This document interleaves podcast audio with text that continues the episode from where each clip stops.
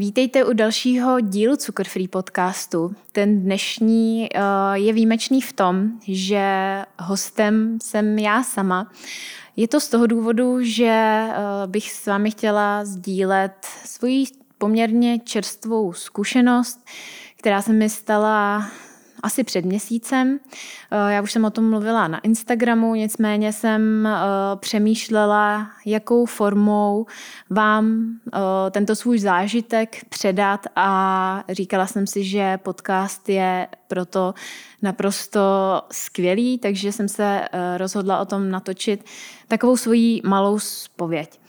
A já vlastně asi před měsícem a půl jsem zjistila, že těhotenství, eh, které do té doby probíhalo podle mě naprosto v pořádku, se všemi eh, průvodními znaky těhotenství, tak ve skutečnosti bylo takzvaně zamlklým těhotenstvím, což znamená, že se plod eh, v určitou dobu přestane vyvíjet, nicméně eh, ta nastávající maminka netuší, že je něco špatně, protože stále má třeba nevolnosti a neděje se, neděje se nic, co by jí eh, mělo v ní vyvolat pocit, že právě potratila.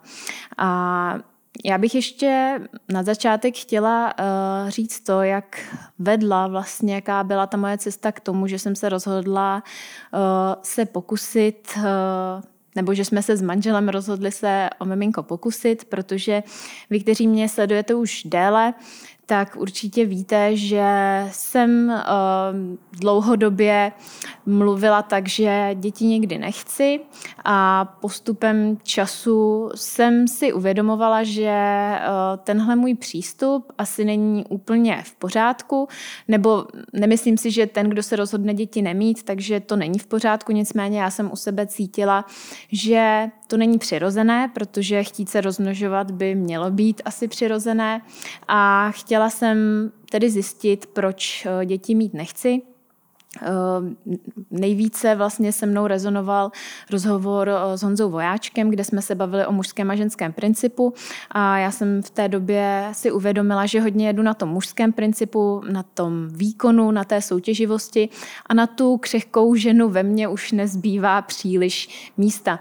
Takže i pokud jste sledovali moje podcasty, tak jste nejspíš eh, i z toho tak nějak nacítili, že k tomu ženství tak nějak směřuji, že si ho chci uh, více v sobě opečovávat, anebo taky najít, protože já jsem si skutečně ani nedovolila být uh, předtím ženou v pravém slova smyslu. Hodně mi v tom pomohlo i uh, jak podcast, tak sezení u Terezy Kramerové, kde jsme se vlastně připravovali, nebo já jsem se připravovala na takzvané vědomé početí. A uh, taky mi pomohl podcast uh, o cyklu ženském, kde jsem se vlastně dozvěděla o tomhle přístroji. Jmenuje se Daisy. Eh, je to vlastně takový teploměr, který vám eh, na základě vaší bazální teploty, kterou si měříte vždycky ráno, tak vám určuje vaše plodné a neplodné dny. Takže já jsem to měla úplně všechno, všechno nastavené. Chodili jsme i předtím na infuze vitamínu C a dalších látek, abychom skutečně věděli, že jsme saturovaní a že máme všechny potřebné vitamíny a minerály pro to, abychom se mohli pokusit o to počít miminko. Zároveň jsem si rok a půl předtím nechala odstranit eh, šetrným způsobem plomby a tak nějak vlastně celá ta moje cukrfree cesta směřovala k tomu, že se o to miminko pokusíme. Co se týče tedy uh, toho otěhotnění, tak já jsem začala s Daisy někdy v září, uh, kdy se vlastně tenhle přístroj učil ten můj cyklus, takže mi ještě neukazoval, jaké dny jsou plodné, jaké neplodné, ale trvalo to dva měsíce a vlastně v prosinci mi poprvé ukázal, které ty dny jsou, uh, jsou plodné, takže jsme vlastně si myslím, že i díky tomu jsme to správně načasovali a skutečně těsně po Vánocích jsem se dozvěděla, že jsem těhotná. Pro mě ta zkušenost nebo ten okamžik, kdy jsem se to dozvěděla, byl velmi náročný. Já jsem si představovala, že to bude vypadat tak, eh, jako to vidíme v těch různých filmech nebo na těch různých videích eh, na sociálních sítích, jak eh, uvidíte ty dvě čárky a máte radost a běžíte za tím svým partnerem, tak u mě to tak nebylo. Já jsem dostala strašný strach. Vlastně jsem skoro celý večer brečela, protože jsem si uvědomila, že teď už je to tady a nevěděla jsem, jestli jsem na to připravená, jestli to zvládnu, jestli je to správně načasované. A jednoduše jsem se bála. Musela jsem si tenhle svůj strach zpracovat a po, řekněme, asi dvou dnech už mi bylo daleko líp a tak nějak jsem o, si to v sobě prostě zpracovala, dá se říct. Ale o, nedá se říct, že ten to těhotenství, že bych se ho užívala nebo že bych ho prožívala radostně. Eh, ty moje pocity byly stále taková nejistota, trošku trošku strach, ale ani ne z toho, že by se něco mohlo stát. Já jsem vlastně na to vůbec ani nemyslela, protože jsem si říkala, eh, kdo jiný by měl mít eh, zdravé a krásné těhotenství a zdravé a krásné miminko, než ten, kdo skutečně se velmi zabývá svým životním stylem. Snažila jsem se si i vyřešit různé staré vzorce, které už mi nesloužily, které jsem nechtěla dál předávat svému dítěti. A tak jsem vlastně s tou možností, že by bylo něco špatně, vůbec, vůbec nepočítala.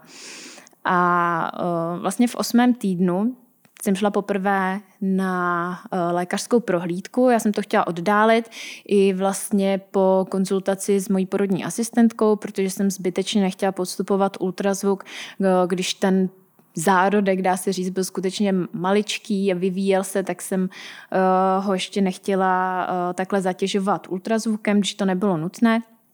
Takže jsem to nechala až na ten osmý týden. Samozřejmě jsem se pozorovala, uh, abych neměla uh, různé křeče nebo bolesti. Uh, byla jsem připravená, že kdyby byl nějaký problém, tak bych, tak bych samozřejmě okamžitě vyhledala lékařskou pomoc, ale všechno se vyvíjelo vlastně naprosto v pořádku. A já jsem uh, vlastně dlouho hledala ginekoložku, které bych důvěřovala, protože jsem měla velmi špatnou zkušenost s ginekology a vlastně za poslední uh, rok jsem vyměnila tři.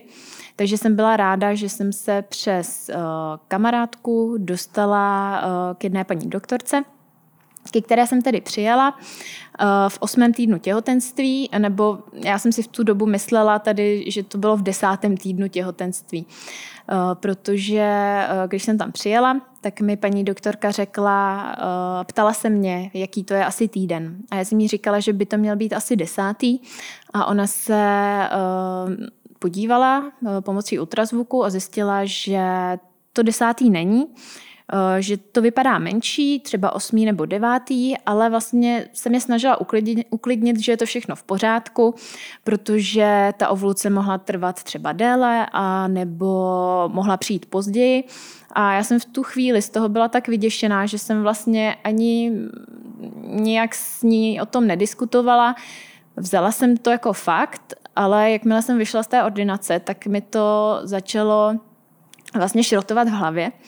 A říkala jsem si, že to není možné, aby to bylo mladší, protože mám právě Daisy, která mi vlastně přesně určila ten den, eh, kdy eh, by k tomu početí mělo dojít, takže jsem už tu chvíli z toho byla opravdu velmi nervózní a nechtěla jsem ani to říkat moc okolí, když ti naši nejbližší to věděli, protože jsem tak nějak tušila, že že není asi úplně všechno v pořádku.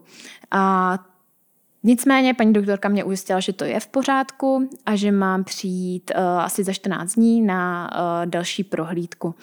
A vlastně dva dny na to jsem začala krvácet. A bylo to večer v neděli a já jsem se samozřejmě strašně vyděsila.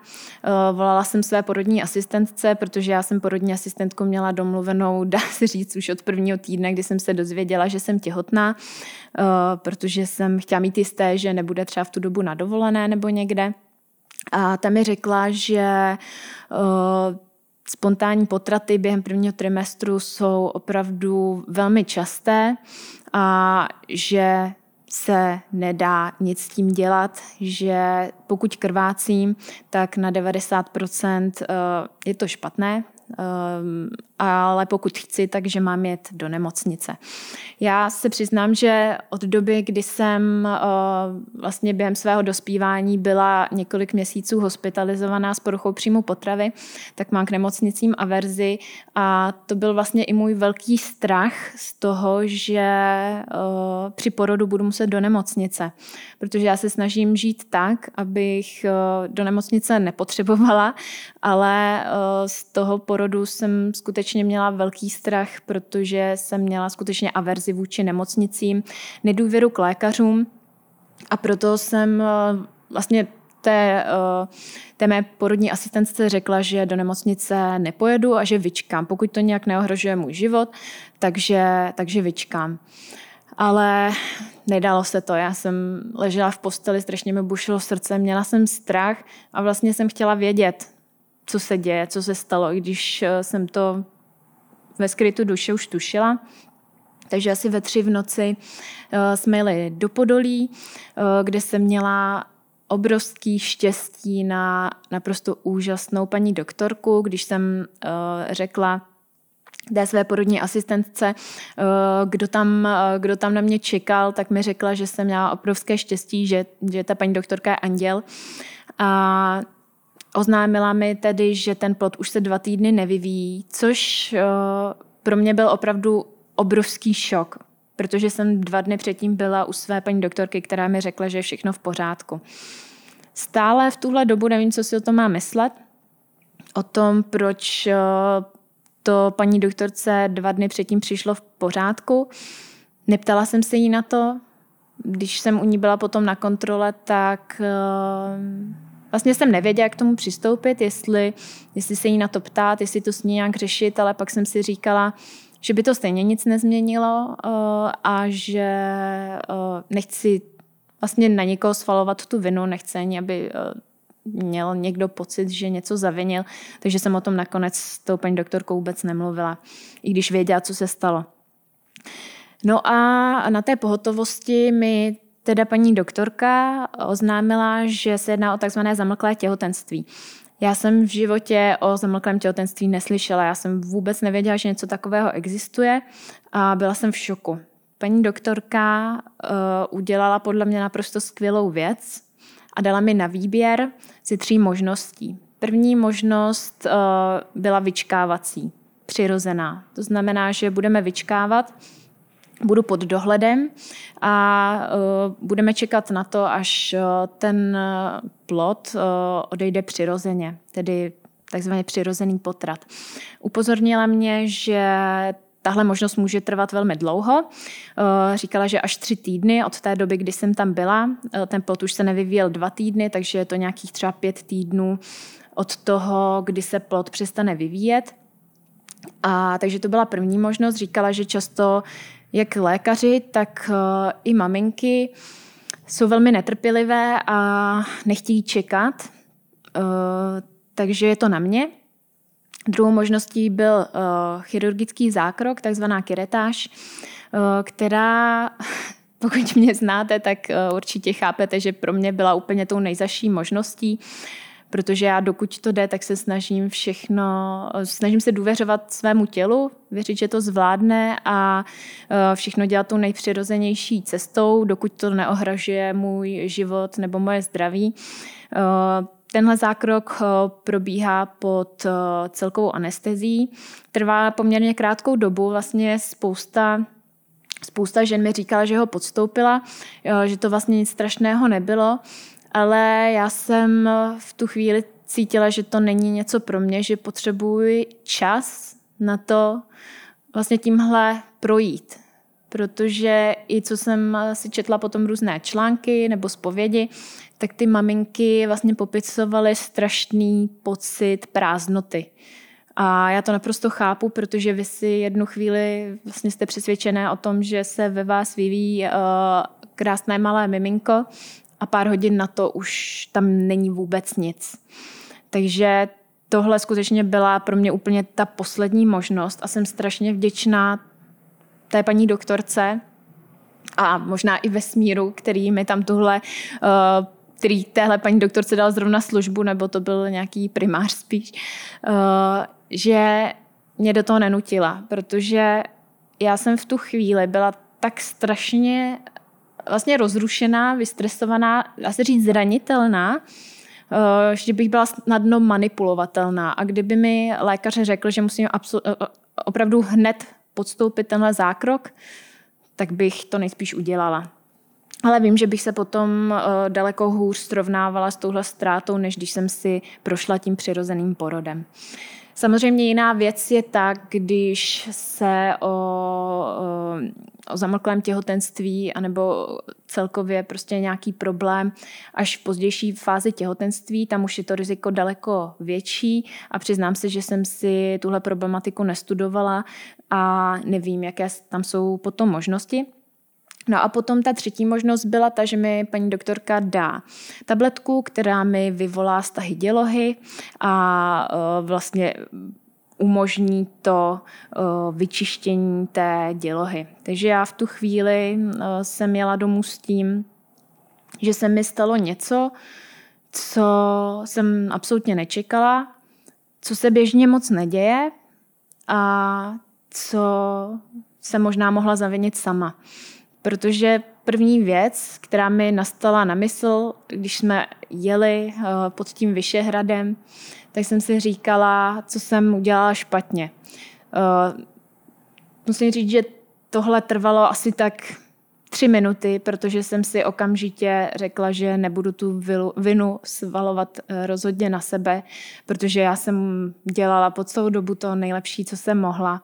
A vlastně jsem si říkala, že miminka třeba maminek, které jsou závislé na drogách, na alkoholu, nebo které se i snaží potratit, tak stejně přijdou na svět, i když ty maminky dělají všechno pro to, aby jim to znemožnili. A já jsem dělala všechno pro to, aby to miminko na svět přijít mohlo a ono nepřišlo. Takže ten uh, pocit viny u mě naštěstí netrval dlouho. Uh, nicméně jsem si přišla v tom hrozně osamělá, protože všude ve svém okolí a na sociálních sítích vidíte obrázky šťastných maminek, šťastných nastávajících maminek, uh, krásných miminek, ale nikde se vlastně nemluví o tom, že tomu třeba předcházely dvě zamlklé těhotenství, tři potraty a že to není samozřejmost.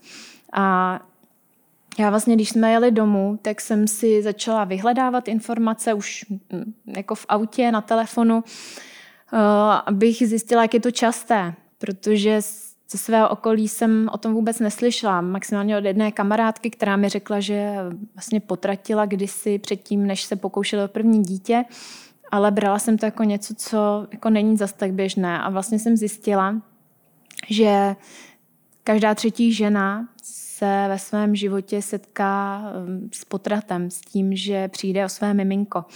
A to vlastně už v tu chvíli uh, mi ukázalo, že je potřeba o těchto věcech mluvit. A pokud jste viděli moje dva předchozí podcasty, tak já si nemyslím, že je to náhoda, že ta témata zrovna předtím, než jsem přišla o miminko já, tak mi přišla do života, protože uh, jediná, jediné dva letošní podcasty byly na téma smrt a druhý na téma porody. A mně se vlastně tyhle, tahle dvě témata setkala v jedno. Eh, bylo to vlastně o tom, že jsem potratila, jsem se dozvěděla v den, kdy jsem natáčela svůj předchozí podcast o porodech. Takže si nemyslím, že to může být více symbolické. Bylo to dva dny před mými narozeninami.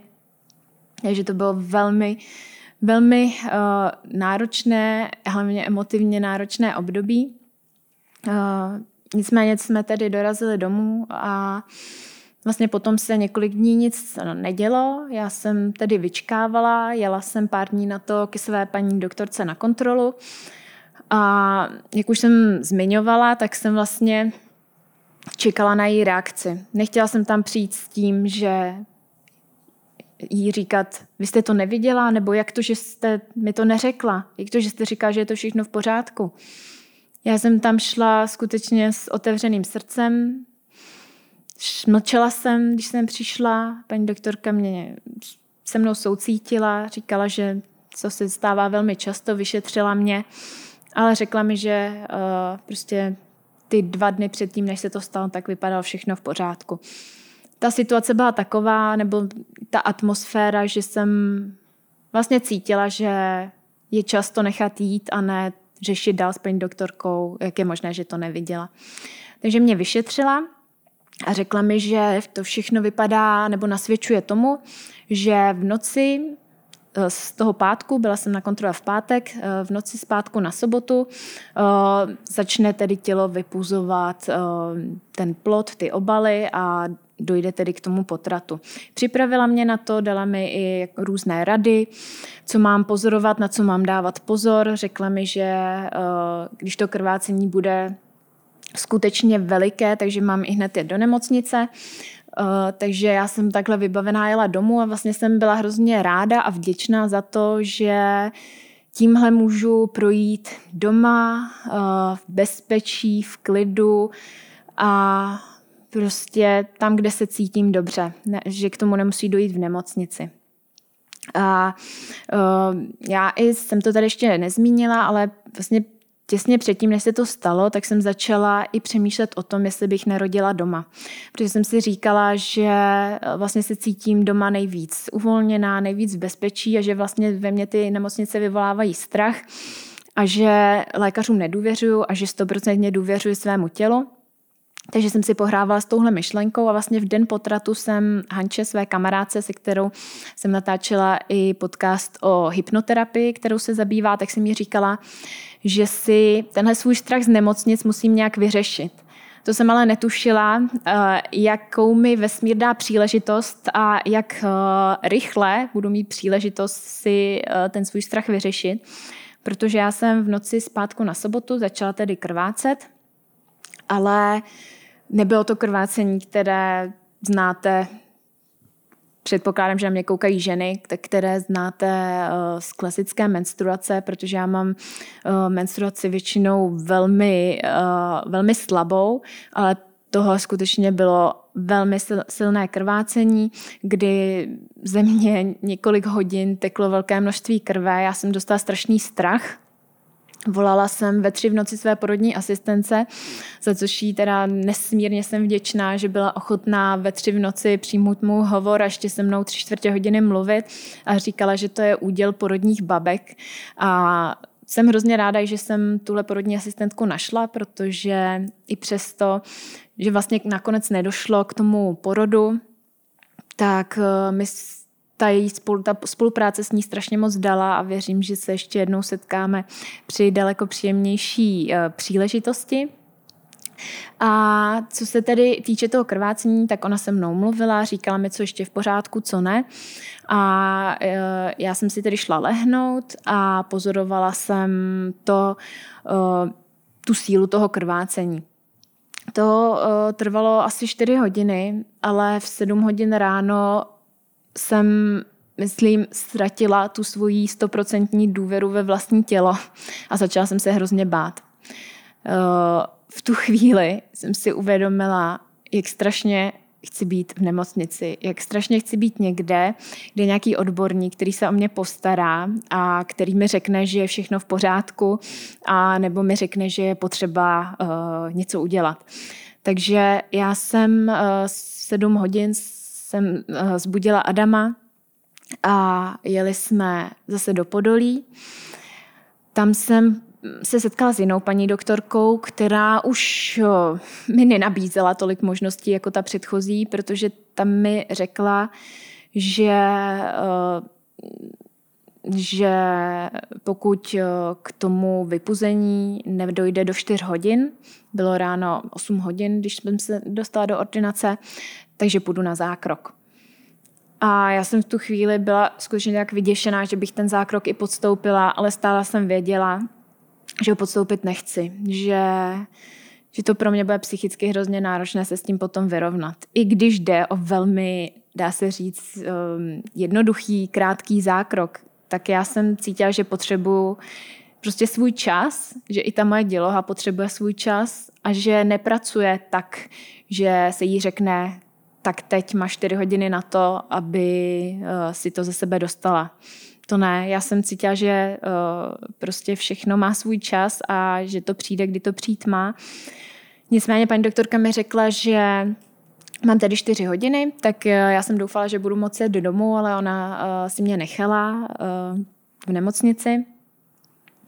A pro mě ten zážitek z té nemocnice byl na jednu stranu strašný a na druhou stranu strašně posilující, což většinou ty strašné zážitky posilující bývají, uh, protože uh, Samozřejmě být v nemocnici není příjemná záležitost, nicméně já jsem měla štěstí na tu nejhodnější sestřičku, která tam kolem mě skutečně uh, poletovala, pořád se mi snažila pomoct, vyhovět a byla opravdu strašně, strašně hodná. A uh, co se týče tedy uh, toho, jak to potom dopadlo, tak uh, úplnou náhodou, když já na náhody nevěřím, jsem zjistila, že Hanča, o které už jsem tady mluvila, se přes jinou kamarádku zná s paní doktorkou, která právě mě vyšetřovala poprvé a která pracuje právě na tom oddělení, takže mi domluvila, že budu pod její, pod její kontrolou a že mě nemají dělat ten zákrok, pokud ho nebudu vyžadovat a že k ní mám potom přijít na kontrolu a že budu v její péči. Takže já jsem byla hrozně ráda, nicméně eh, za ty čtyři hodiny to neodešlo a ta eh, paní doktorka, která byla na tom oddělení, mi řekla, že tedy na ten zákrok nepůjdu, ale že si mě tam nechají do druhého dne. Což pro mě spát v nemocnici je opravdu velmi traumatizující zážitek, vzhledem k tomu, že jsem v nemocnici strávila skutečně hospitalizovaná měsíce eh, ve svém éře poruchy příjmu potravy. Nicméně jsem to zvládla, co pro mě bylo nejtěžší, bylo to, že jsem na pokoji byla s těhotnou paní nebo slečnou, která měla velké nevolnosti.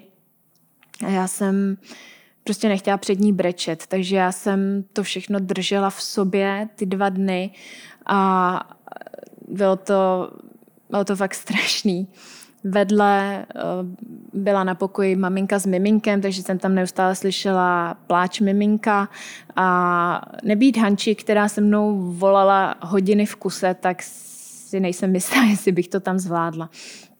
Každopádně ve výsledku vlastně ten zážitek z té nemocnice pro mě byl skvělý. Jsem strašně vděčná, že jsem ho zažila protože i když to popisu tak, jak to bylo strašné, tak v té mé hlavě to bylo uh, ta představa toho, že budu muset do nemocnice ještě horší. Bylo to nepříjemný, bylo to náročný, ale zvládla jsem to a vlastně celá tahle zkušenost, to, co se mi stalo, byl pro mě takový malý porod. Jenom s tím, že na závěr nemáte v ruce uh, to krásné voňavé miminko, ale já mám něco dá se říct, taky dar a to tuhle zkušenost, protože tahle zkušenost mě tak neuvěřitelně posunula. Ukázala mi uh, vlastně i to, co chci, protože já, jak jsem říká, tak jsem si tím těhotenstvím nebyla jistá, ale v tu chvíli, jak to tak bývá, když o něco přijdete, tak si uvědomíte, jak moc to chcete. Takže mě to utvrdilo v tom, uh, že miminko chci, taky mi to strašně pomohlo v tom, eh, že jsem si uvědomila, že se můžu odevzdat i do péče lékařů a že spousta skvělých profesionálů, kterým skutečně uh, můžu důvěřovat. Já jsem tuhle zkušenost určitě potřebovala a myslím si, že a že je vlastně tahle zkušenost pro mě strašně cená pro ten eh, případný další porod, protože už vím, že naprosto v klidu odjedu do nemocnice a že naopak by to byl třeba problém, kdybych v průběhu porodu domácího začala mít strach a přestala si věřit. Takže i tohle mi hodně ukázalo a jsem za to strašně, strašně vděčná. Jinak, eh, co se týče tedy eh, různých zdrojů, kde jsem čerpala informace, tak to byla stránka Strom života, eh, která se právě zabývá nejenom tedy těhotenstvím, přirozenými porody, ale i přirozenými potraty. A právě na této stránce hezky popisují to, že vlastně stejně jako zrození, stejně jako porod je i smrt přirozená, to je i to, o čem jsme se bavili v podcastu o smrti. A stejně tak potraty jsou skutečně tou nejpřirozenější věcí, která může být, i když jsou velmi uh, nepříjemné, a, ale jsou nicméně součástí života. A pro mě bylo důležité si uvědomit, že skutečně to moje tělo je zdravé a ví, co dělá. Protože eh, když dojde k tomu potratu nebo zamlklému těhotenství kolem toho osmého týdne, tak se to dá z určitého pohledu brát taky jako dar, protože když k tomu dojde později, tak eh, je to daleko náročnější a daleko rizikovější. A když k tomu nedojde a to dítě se narodí, ale třeba nemocné, tak je to samozřejmě uh, daleko větší problém, než když to tělo samo v osmém týdnu rozpozná, že něco nebylo v pořádku a tak uh, vlastně udělá to, co má. A já jsem za to svému tělu strašně vděčná, že tohle zvládlo, že tohle rozpoznalo a že mě vlastně ušetřilo té bolesti, kterou, která mohla přijít někdy v budoucnu. Eh, kdyby se dál vyvíjel plod, který nebyl v pořádku. Eh, takže i když je to velmi bolestivá, velmi náročná zkušenost, tak věřím, že eh, je pořád vlídná a jemná, protože by to mohlo být daleko horší. Nicméně na téhle stránce se právě dozvíte i více o tom zamlklém těhotenství. Píše se tam, že je to i nový pojem, což dává smysl, protože dříve vlastně ty ženy nevěděly, že se ten plot už nevyvíjí, protože nebyl ultrazvuk. Takže pro ně vlastně byl jenom potrat probíhající. Nebyla žádná kiretáž nebo žádné tabletky na stahy dělohy. Takže dříve se s tím ty dělohy, dá se říct, uměli, uměli poprat sami. A já věřím, že to zvládnou i v dnešní době, ale že je potřeba jim dát čas. Určitě si myslím, že je vhodné být pod dohledem. Já jsem dostala přesné instrukce, co mám dělat, co mám pozorovat. Je dobré pozorovat, když je zvýšená teplota, tak eh, okamžitě vyhledat lékařskou pomoc. Nebo eh, když eh, to, co ten, ta krev má určitý zápach. Takže tohle všechno na těch stránkách najdete. Bylo tam i hezké popsané to, že naši předci, nebo spíše předkyně, považovali ten první trimestr za to, že je žena v naději. A v naději, že se dostane do toho druhého trimestru, kdy bude v očekávání, protože skutečně, když já jsem ten první trimestr někomu oznámila, že jsem těhotná, tak většina lidí to brala tak, že mi ještě gratulovat nebude, protože Samozřejmě v prvním trimestru se může stát spousta věcí, takže je potřeba to brát i tak, že ten první trimestr je naděje na to být těhotná. Eh, co se týče uh, různých třeba bylinek, které jsem uh, užívala, tak když jsem panu doktorovi v nemocnici, když jsem se ho zeptala, jestli můžu brát bylinky, když mě posílal domů, tak uh, ten mi řekl, že můžu, protože stejně nepomůžou. Takže jsem je brala a pila jsem třeba čaj z maliníku, kontrihel, uh, brala jsem lichořeřišnici v kapkách, a to proto lichořeřišnice je vlastně přírodní antibiotikum, takže jsem ji uh, brala proto, abych předešla různým zánětům, protože čím vlastně se nejvíc straší při tom, uh, při tom přirozeném potratu, při zamlklém těhotenství je to, že by mohlo dojít k zánětu. Ale co jsem si tak zjišťovala, tak ty záněty nebývají časté. Eh, naopak k tomu zánětu může dojít i po té kiretáži, kdy se eh, Lidově se tomu říká výškrab, eh, kdy se kromě tedy toho plodu vyškrábne i kus té děložní sliznice. Takže Samozřejmě záleží na každém, co je pro něj lepší. Já věřím, že je spousta žen, která nedokáže si představit, že by žili tři týdny v tom, že v nich mrtvé, mrtvé embryo a že se z nich bude další týdny dostávat. Eh, takže ty třeba tenhle zákrok podstoupí a rády, ale potom tu jsou ženy, které potřebují uh, mít ten čas a mít ten prostor se s tím miminkem rozloučit. A právě to rozloučení uh, je podle mě i podle spousty žen, jejichž příběhy jsem si četla, vlastně nedílnou součástí tohle zážitku. A i toho, aby se s tím dokázali vlastně smířit a přijmout to. Protože uh, mi psala i spousta žen, uh, které to třeba nikdy nikomu neřekly, které se s tím miminkem nějak nerozloučily a i 30 let potom, co měli tuhle zkušenost, tak uh, je to pro ně stále traumatizující zážitek a nebyly by schopné o tom mluvit. Pro mě mluvit o tom je naprosto přirozené, protože uh, já si myslím, že i to, co dělám, mám založené na tom, že jsem mluvila o věcech, o kterých se běžně nemluví, ať už je to porucha příjmu potravy, ať už je to závislost, ať už je to deprese, úzkost, tak uh, si nedovedu představit, že bych po té době, co jsem se na sociálních sítích odmlčela, tak bych přišla a dělala, že se nic nestalo. Já tohle beru jako přirozenou součást života, která je sice nepříjemná, ale uh, má své místo tom životě stejně jako ty příjemné.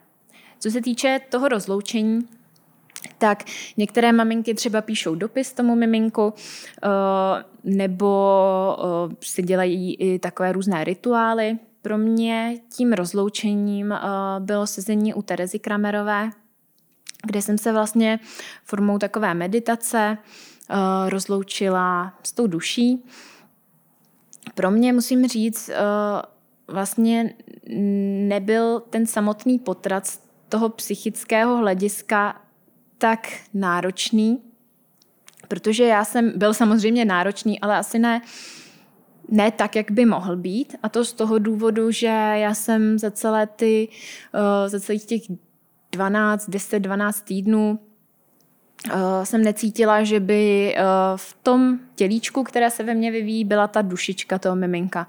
Já jsem to skutečně brala tak, že tam se zatím vyvíjí nějaký obal uh, pro tu duši, která tam jednou přijde. Cítila jsem její přítomnost, ať už tomu věříte nebo ne. Já si myslím, že těmhle věcem se nedá věřit, ty musíte vědět a zažít je. A uh, necítila jsem, že by v tom tělíčku ta duše byla. Takže pro mě to skutečně bylo to z toho fyzického hlediska uh, být v pořádku, aby to odešlo uh, samo, aby jsem nemusela do toho nějak zasahovat. To pro mě znamenalo hodně a jsem ráda, že k tomu nakonec došlo, přestože jsem musela absolvovat několik prohlídek a bála jsem se toho, aby abych nemusela na zákrok, tak nakonec to moje tělo zvládlo. Trvalo to, trvalo to asi tři týdny, než došlo k tomu úplnému vyčištění a vlastně bylo to úplně, úplně bez problému. Myslím si, že hodně důležité je eh, nepotlačovat ty emoce. Skutečně, když máte pocit, že chcete brečet, tak brečte. Eh, můj manžel má takový zlozvyk, že když začnu brečet, tak mi řekne nebreč. Už jsem ho odnaučila, ale my jsme k tomu učení od malička. Když brečíme, eh, tak začneme slyšet, že nemáme brečet, ale zadržování emocí eh, je jedna z nejhorších věcí, kterou můžeme dělat a já jsem skutečně dávala průběh těm emocem. A bylo to zajímavé, protože eh, tak, jak popisovala i Veronika Hurdová v podcastu o smrti, že zažívala takové výkyvy, že zažívala pocity euforie a pak pocity strašného smutku, tak i to jsem vlastně popis, uh, pocitovala já uh, potom po té ztrátě miminka, protože v jednu chvíli jsem pocitila strašnou, strašnou euforii, byla jsem strašně vděčná za to, jak to dopadlo, že to dopadlo vlastně dobře, uh, že to mohlo dopadnout hůř a za to, co všechno mě to naučilo. Naučilo mě to hodně o mě samé, ale také o lidech v mém okolí. Uh, ale na druhou stranu jsem potom propadla do hrozného smutku, ale i to jsem si dovolila. Zůstala jsem doma, uh, sama, uh, v takovém, potřeba jsem takové přítmí, dá se říct, že jsem se potřeba jako zachumlat, takže jsem několik týdnů nic nedělala, jsem strašně vděčná za to, že jsem si to mohla dovolit. Musí to být náročné, když žena v tomhle, v téhle fázi života, v tomhle období musí třeba docházet každý den do zaměstnání a nemá prostor si to prožít, uh, udělat si třeba pár dní volno a prožít si to truchlení doma v klidu. Takže uh, to pro mě bylo určitě uh, velmi důležité. Co se týče těch dalších zdrojů, tak já jsem si nechtěla nechtěla jsem trávit čas tím, že bych si četla vlastně o těch potratech nějaké velké množství informací, čerpala jsem jenom z pár zdrojů, chtěla jsem spíš být v sobě, vlastně jsem neměla vůbec chuť ani chodit na sociální sítě, kde na mě mimochodem vyskakovaly všude reklamy na věci pro miminka, anebo uh, šťastná oznámení těhotenství či narození. Takže já jsem i měla takový digitální detox, což uh, jsem taky velmi ocenila, protože normálně asi, když člověk i pracuje a pro mě i ty sociální sítě jsou práce, tak se k tomu úplně nedonutí. Ale z dalších zdrojů, ze kterých jsem čerpala, tak eh, byly třeba články Terezy Kramerové, která také uh, přišla o miminko a která to krásně popisuje, jak se s tou duší uh, rozloučila. Potom uh, je i stránka na Facebooku, uh, je to tedy skupina právě pro ženy, které procházejí potratem nebo prošly. Uh, stránka Bylo tu, není tu. A potom ještě stránka Čekala jsem miminko. Takže tohle pro mě byly asi největší, největší zdroje. Pomohlo mi hodně i to, že mi Hanča, která dělá hypnoterapii, tak mi nahrála, udělala audionahrávky, které jsem poslouchala, když mi bylo nejhůř. Udělám mi i nahrávku na to, aby uh, se to tělo uh, zvládlo přirozeně uh, vlastně vyčistit, nebo ta děloha se vyčistit, takže tu jsem jako podpůrnou věc poslouchala. Věřím, že to, že to pomohlo. A co se tedy ještě týče toho zákroku chirurgického, na který jsem nakonec nemusela, tak Dalším důvodem, proč jsem ho nechtěla podstoupit, je to, že tam se potom musí čekat daleko delší doba, eh, když si chcete pokusit znovu o miminko. Eh, když eh, dojde k tomu potratu přirozeně, tak se doporučuje třeba nechat ten jeden až dva cykly, než se o to žena pokusí. U té keretáže je to potom více, myslím, že to jsou minimálně tři týdny, ale nejsem si jistá. A může tam být i potom nějaký problém, ale já nechci nějak jako znehodnocovat tenhle zákrok, je strašně, strašně skvělý, že je tahle možnost, ale myslím si, že eh, by měla být možnost se rozhodnout, protože to, že já jsem měla to štěstí a narazila jsem na paní doktorku, která mi nabídla všechny tři možnosti, tak je spíše zázrak, eh, protože když jsem se o tom bavila se svojí porodní asistentkou, tak ta byla překvapená eh, a řekla mi, že ještě před několika lety by mě toho zařízení nenechali odejít uh, bez toho, aniž by mě poslali na ten zákrok. Takže jsem moc ráda, že se to i vyvíjí tím směrem, že se skutečně uh, dává prostor té přirozené cestě. Dokonce i paní sestřička právě na tom oddělení mi říkala, jak by to bylo určitě lepší, kdyby to odešlo přirozeně a že mi drží palce, aby, aby uh, jsem to zvládla. Takže za to jsem moc ráda. Nicméně jsem dostala spoustu zpráv, že, že nám tohle nebylo nabídnuto a i v dnešní době, že je naprosto běžné, že eh, když přijdou k lékaři, tak eh, první, co eh, jim řekne, je to, že musí postoupit keretáž. A důvod taky, proč já tenhle podcast natáčím, je ten, že chci ukázat, že těch možností je více, a že by ženy měly mít možnost volby, zejména v takové situaci, kdy uh, jsou rozrušené a snadno manipulovatelné. Já sama, která si dokážu stát za svým, tak uh, si myslím, že bych se nechala ovlivnit a že bych ten zákrok nakonec podstoupila, kdyby uh, tam nedošlo k té domluvě s tou druhou paní doktorkou. Takže uh, myslím si, že pod nechat tělo pracovat tak, jak umí, tak, jak je nastavené. Pod dohledem lékaře, jsem ráda, že tuhle možnost máme, je uh, opravdu skvělá možnost a ta možnost tady je. Není to tak, že byste museli nutně na zákrok a je skvělé, když vám o ní lékař řekne, ale nemůžete počítat s tím, že uh, vám váš lékař tuhle možnost dá. Takže uh, myslím si, že je důležité vyhledat si ty informace, a počítat s tím, že uh, se to prostě stát může, ale nebrat to jako konec světa. Jak vidíte, tak uh, je to poměrně krátká doba, co se tohle stalo. U některých pasáží mi do pláče bylo, ale myslím si, že je to přirozené a že jsem se s tím skutečně zvládla, uh, zvládla vyrovnat naprosto skvěle.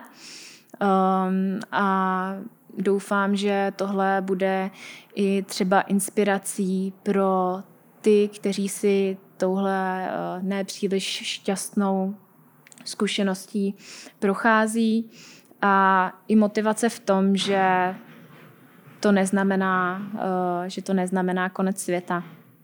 Život jde dál. Eh, věřím, že, eh, že nás čekají eh, i daleko příjemnější věci, že se nakonec miminka dočkáme. Nicméně jsem otevřená i tomu, kdyby se to nepovedlo. Vlastně tahle zkušenost mi dala jedno velký poznání a jednu velkou facku v tom, že ne všechno můžu mít naplánovaný, nalajnovaný a pod kontrolou.